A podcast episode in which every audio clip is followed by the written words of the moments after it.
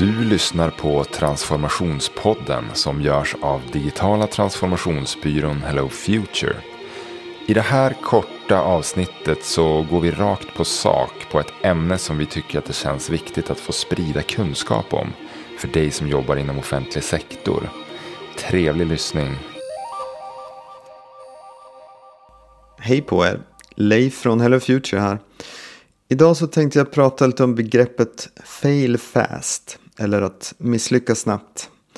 Begreppet är viktigt för offentlig sektor men även för alla andra som ska börja jobba med innovation eftersom det beskriver ett ofarligt sätt att misslyckas.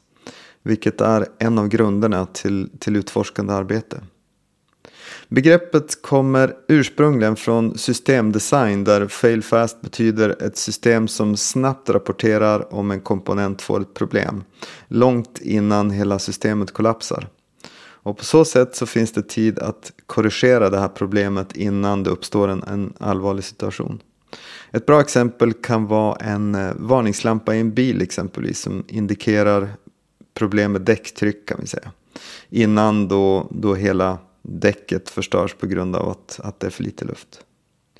Från tidigt 2000-tal ungefär så har man använt det här begreppet i Silicon Valley för att beskriva en kultur där man snabbt och kontinuerligt framförallt skriver kod eh, så att nya produkter eller uppdateringar av, av något befintligt möter sin publik eller sin målgrupp så snabbt som möjligt. Och från det här tidiga mötet med, med sina riktiga kunder så får man snabb feedback på vad som funkar och vad som inte funkar. Och det är att nästa iteration kan vara snäppet bättre än den förra och hela tiden baserat på riktig feedback från riktiga kunder.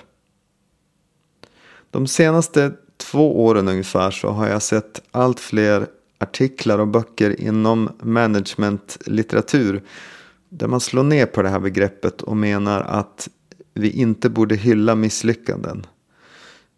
Att det är mycket bättre att vi, vi lyckas istället och så lär vi oss av det.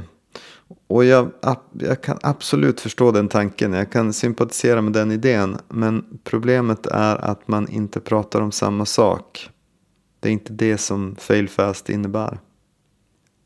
Jag tror att den här tanken med varför man slår ner på det här begreppet kommer ifrån att man försöker jobba på det sättet i låda 1. Och nu, nu refererar jag treboxmodellen här. Så om ni inte har eh, hört om den så backa i podden, lyssna på treboxmodellen och så kommer ni tillbaka hit igen. Som sagt, när man jobbar i låda 1 med, med att försöka effektivisera och optimera det man har idag. Då är det såklart vill man lyckas istället för att misslyckas. Och där vet vi så pass mycket. Vi har redan historik, det är någonting vi redan kan som vi vill göra lite bättre eller vill göra mer av. Och det innebär att vi använder oftast någon typ av linjära vattenfallsliknande projektstrukturer här. Eh, det finns eh, en tydlig start, det finns ett tydligt mål och vi kanske har ett par hållpunkter däremellan. Och då finns inte alls det här behovet av fail fast. Utan vi vill göra rätt och vi vill lyckas. Och vi, vi vet vad det innebär att lyckas. Men om vi däremot ska jobba med låda 3, alltså göra nya saker som man inte har gjort i organisationen för, då behöver vi ett sätt att våga misslyckas utan att det här får stora konsekvenser. Och det är här som fail fast kommer till sin fulla rätt. Det är, det är det som det här begreppet innebär. Genom att jobba med prototyper och visualiseringar så, så kan vi testa nya idéer i väldigt tidiga skeden, redan efter ett par dagars jobb. Och det innebär att, att misslyckas efter ett par dagar behöver inte vara så farligt, det får inte så stora konsekvenser. Och istället så kan man använda det till att skapa lärande som gör att vi kan ta bättre beslut i nästa iteration av den här prototypen. Och det här uppmanar då till ett iterativt arbetssätt där vi startar litet, vi testar oss fram genom många små steg. Precis på samma sätt som en mjukvaruutvecklare i Silicon Valley som vill testa sin kod så snabbt som möjligt. Men eh, här kan vi då jobba med det inom alla möjliga områden, oavsett vad vi gör.